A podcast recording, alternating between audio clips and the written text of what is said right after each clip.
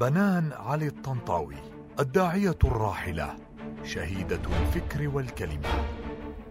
إن للأمل والثقة بالله أجنحة عجيبة تحلق بالإنسان المؤمن الصادق في عوالم الحرية والنور مهما كبله الطاغوت بالأغلال وحاول حبسه في أقلية اليأس والظلام. فالحمد لله على نعمة الإيمان الصادق والأمل الواثق. فبهذه النعمة العظيمة كنا أقوى من القيود والقنوط والطاغوت في سائر الأيام والأحوال. فالشهادة في سبيل الله إن كتبت لنا الشهادة أنبل طريق وأقرب طريق إلى الجنة والخلود ومرضاة الله عز وجل. هذه الكلمات غيض من فيض كلمات الداعية الإسلامية. ابنة دمشق الأصيلة صاحبة الفكر والأدب والثقافة والدعوة والصبر على محنها وابتلاءاتها.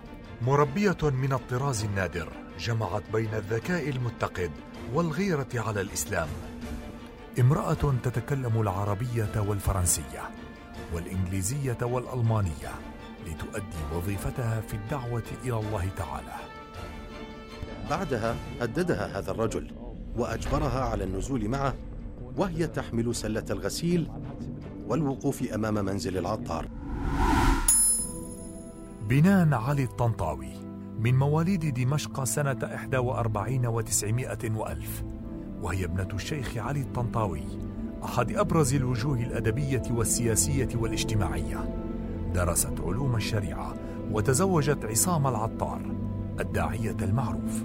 بنان الطنطاوي شخصية من الشخصيات التي حاربها نظام البعث المجرم ولم يصبر على نشاطها وتجلدها ومواقفها الرافضة للظلم والداعية إلى الغوص في بحر الشهادة حيث تتلاطم أمواج الفضيلة والتضحية لتهز كيان الطغاة.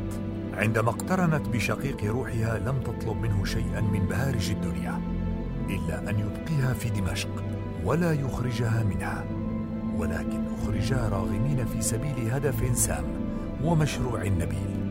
هذه الوردة الدمشقية كتبت إلى زوجها بعد أن خرجا من دمشق قائلة. لن يكون هناك من شيء أجل في عيني ولا أحب إلى قلبي من أن أعيش معك أبسط حياة وأصعبها وأخطرها في أي مكان من الأمكنة أو ظرف من الظروف. ما دام هذا كله في سبيل الله عز وجل ومن أجل مصلحة الإسلام والمسلمين. كانت تؤمن بأن للمرأة دورا اجتماعيا وثقافيا لا يقل أهمية عن دور الرجل ومهمة دعوية مؤتمنة عليها. إلى جانب دورها الطبيعي في رعاية الأسرة وتربية الأجيال وقد صدر لها كتاب عنوانه دور المرأة المسلمة. وقفت إلى جانب زوجها بعد أن ضيق عليه نظام الهالك حافظ في أعقاب استيلاء البعث على السلطة. عام ثلاثة وستين وتسعمائة وألف حيث كشف العطار زيف البعث وخداعه فخطب في مسجد الجامعة عقب تسلط البعث على الحكم أمام عشرات الألوف. وكانت الجامعة محاصرة بقوات الجيش والشرطة العسكرية. خطب قائلا صفحتنا أنصع من أي صفحة وجبهتنا أرفع من أي جبهة وطريقنا أقوى من أي طريق وأنا أتحدى كل إنسان كائنا من كان أن يضع ذرة من الغبار.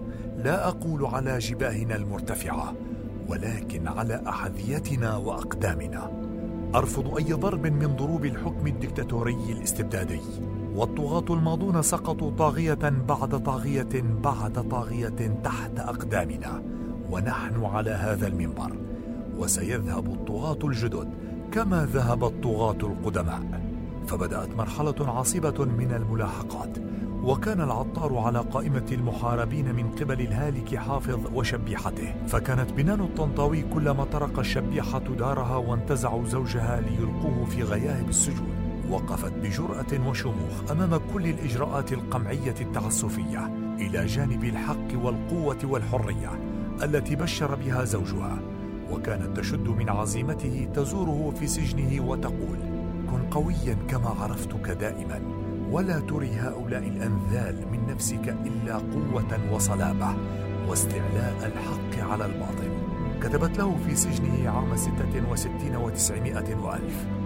لا تفكر في وفي أولادك وأهلك ولكن فكر كما عودتنا دائما بإخوانك ودعوتك وواجبك. عرفت بنان الطنطاوي بكتاباتها وفكرها المتوقد وانتقاء كلماتها فكانت تقتبس الكلام من بطون الكتب ومن مخزونها الثقافي لتنثره أمام الجلادين بكل جراه إن العرب بالإسلام كل شيء والعرب بدون الإسلام لا شيء. وما يقال عن العرب يقال عن المسلمين في كل مكان. فمثل هذه الاقتباسات لا شك أنها تهدم ما يبنيه البعث من اعتماد القومية العربية محورا جامعا لأنصاره وجاذبا لشتى الأفكار والتيارات. كانت تختار شذرات الأقوال بعناية فائقة وكان انتقاؤها هذا موجها بحرفية عالية لترسل رسالتها إلى العاملين لدينهم وإلى الساعين لرفعة بلادهم وتحرره من طغمة استولت على الحكم ونصبت نفسها لقيادة البلاد بقوة البطش وسبيل الإجرام. وتدل مختاراتها في مؤلفها قبسات. على سعة ثقافتها وتنوعها وكفاحها في مناهضة الظلم ونذكر من اقتباساتها لا صحبتني مهجة تقبل الظالم.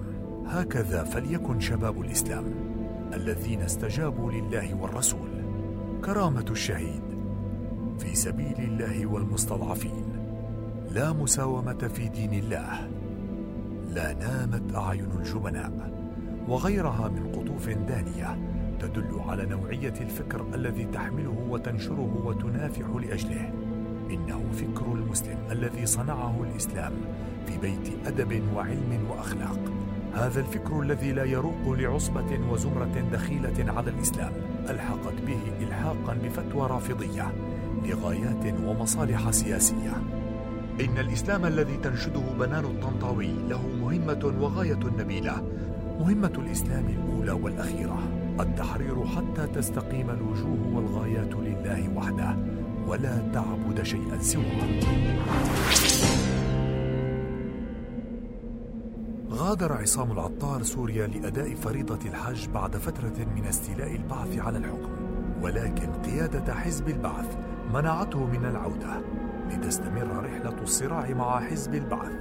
فتوجهت بنان الطنطاوي لتلحق بزوجها إلى لبنان. في بداية السبعينات وعاشا في العاصمة بيروت لعدة سنوات. استطاعت خلالها بنان الطنطاوي التأثير في المجتمع بفكرها وإسهاماتها الثقافية فتصدرت نشاطا إسلاميا توعويا وفكريا حيث أنها كانت تتميز بسعة علم ومعرفة بالشريعة والفقه الإسلامي كونها ابنة فقيه إسلامي معروف. لم تكتفي بنان بنشاطها الدعوي والفكري بل مارست نشاطا كبيرا على المستوى التنظيمي في جماعة الإخوان المسلمين في سوريا حيث سعت جاهدة إلى تقريب وجهات النظر بين أجنحة الحركة فعملت على لم الصف الإسلامي وتوحيد الجهود ومنعها من التشعب والتشظي لتكون الحركة قوية في مواجهة الطاغية الأسد. كما أنها كانت صلة الوصل بين زوجها عصام العطار المراقب العام لجماعة الإخوان المسلمين وقتها وبين القيادات والأفراد وبينه وبين بقية العالم الخارجي. وكانت تنظم مواعيده وترتب له اللقاءات. ولا شك أن هذه المهمة العظيمة والمسؤولية الكبيرة كانت كافية لوضعها على قائمة الاغتيالات التي رسمتها المخابرات البعثية وخططت لها وأدارتها بأيد شيطانية لاستئصال رموز وقيادات الإخوان المسلمين كونهم الحركة الأبرز التي كشفت خداعهم لأهل سوريا وإجرامهم الطائفي. لقد حملت بنان الطنطاوي هما ثقيلا لا يقدر عليه جسدها النحيل. فكم تألمت على أحوال المسلمين. كم مرة تذكرت وأنا أبصر ما ينزل بالمسلمين من نكبات وما يعانوه من ويلات وما يتربص بهم من أخطار ومهالك. كم مرة تذكرت أبصر هذا وأبصر في ذات الوقت.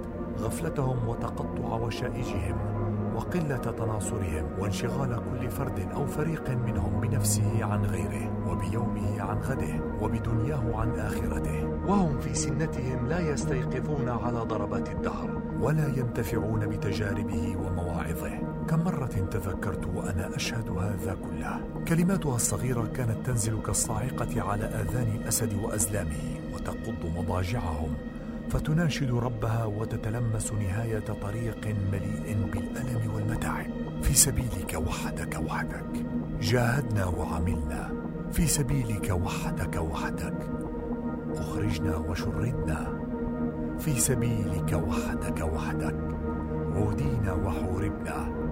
في سبيلك وحدك عشنا. في سبيلك وحدك نعيش. في سبيلك وحدك. نرجو أن تكتب لنا الشهادة يا الله. فكانت كتاباتها نواة وأنموذجا قابلا للحياة والنمو. في جو تغطرست فيه قوات الأمن والمخابرات على أهل سوريا. وأخشى ما يخشاه حزب البعث. أن يكون لحركة الإخوان المسلمين قيادات فكرية ونماذج مثقفة واعية تعمل على دعم حراكها وتؤجج لهيب المقاومة. شاركت بنان الطنطاوي في مجلة المجتمع فكانت تحرر صفحة المرأة في المجلة وتكتب اسم أم أيمن. صمت الكثير عن مجازر الأسد بحق الشعب السوري واللبناني والفلسطيني ولكن بنان ظلت على عادتها صوت الحق الشامخ فبعد مجزرة تل الزعتر والتي ارتكبها حافظ الهالك بمشاركة الكتائب المسيحية المارونية بحق الفلسطينيين في لبنان بعد حصار وتجويع دام 52 يوما في شهر آب سنة 76 وتسعمائة وألف. كتبت بنان الطنطاوي قائلة لماذا تستنزفن دموعكن وتمزقن حناجركن أيتها الأخوات الفلسطينيات؟ بنداء حكام العرب والمسلمين أما علمتن بعد أن المعتصم لم يعد له وجود وأن نخوة المعتصم قد ماتت من زمن طويل. بعد الإقامة في لبنان لعدة سنوات انتقلت بنان الطنطاوي مع زوجها إلى بروكسل ثم إلى ألمانيا وهناك أنشأت مركزا نسائيا للمسلمات وقد أكرمها الله فتاب على يديها الكثيرات. شاركت بنشاط دعوي إسلامي الفكر فكانت المحاضرة الرئيسية لاتحاد الطلبة المسلمين وأثرت بهم وزرعت في عقولهم خلاصة فكرها. أحست بنان الطنطاوي باقتراب أجلها في مدينة أخ الألمانية حيث استقرت مع زوجها وابنها أيمن وابنتها هادية. كم أتمنى يا عصام وهذا جزء من ضعف البشري وشعور الإنساني. لم أستطع التخلص منه بعد. أن نعود إلى دمشق وأن نقضي ما بقي من حياتنا. إن كان في حياتنا بقية هناك وأن ندفن عندما يحم أجلنا في قرية الدحداح أو الباب الصغير. ولكن يبدو لي والموت يتعقبنا في كل وقت وفي كل مكان أننا سندفن في الغربة بعيدا بعيدا عن الأهل والوطن. وفي صبيحة يوم الخميس السابع عشر من آذار من عام واحد وثمانين وتسعمائة وألف وعند الساعة التاسعة والنصف صباحا. نفذ العملية الدنيئة ثلاثة من المجرمين مقابل حفنة من المال.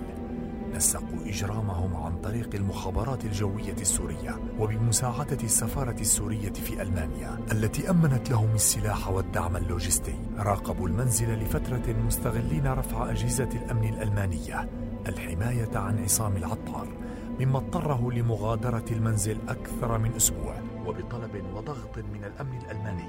دخل المجرمون التابعون للمخابرات الجوية السورية المبنى وأجبروا إحدى السيدات الألمانيات التي تعيش في المبنى على طرق باب منزل العطار حتى تراها السيدة بنان الطنطاوي من خلال الكاميرا وتفتح لها الباب. وما إن فتح الباب حتى أطلق الملثمون خمس رصاصات على جسد بنان الطنطاوي رصاصتان في الرأس ورصاصتان في الصدر ورصاصة تحت الإبط. ثم داسوا بأقدامهم المجرمة جسدها الطاهر ليتأكدوا من مقتلها ثم فتشوا المنزل بحثا عن أي من أفراد العائلة قبل أن يلوذوا بالفرار. بنان كانت مستهدفة لذاتها لنشاطها التنظيمي مع الإخوان المسلمين. لقد وقفت بنان الطنطاوي بكل جرأة أمام إجرام حكم الأسد. ناضلت وكافحت وعملت في خندق المواجهة لإزالة حكم البعث بفكرها وكتاباتها ونشاطها وباعتبارها زوجة عصام العطار. وابنة الفقيه والأديب علي الطنطاوي فقد أصبحت مستهدفة بشكل مضاعف. استشهدت بنان علي الطنطاوي بعد رحلة من العناء والتعب والمطاردة والغربة. دامت أكثر من سبعة عشر عاما. لقد اغتالوها كما اغتالوا الوطن منذ حركتهم التخريبية الطائفية. ألا لعنة الله على الظالمين.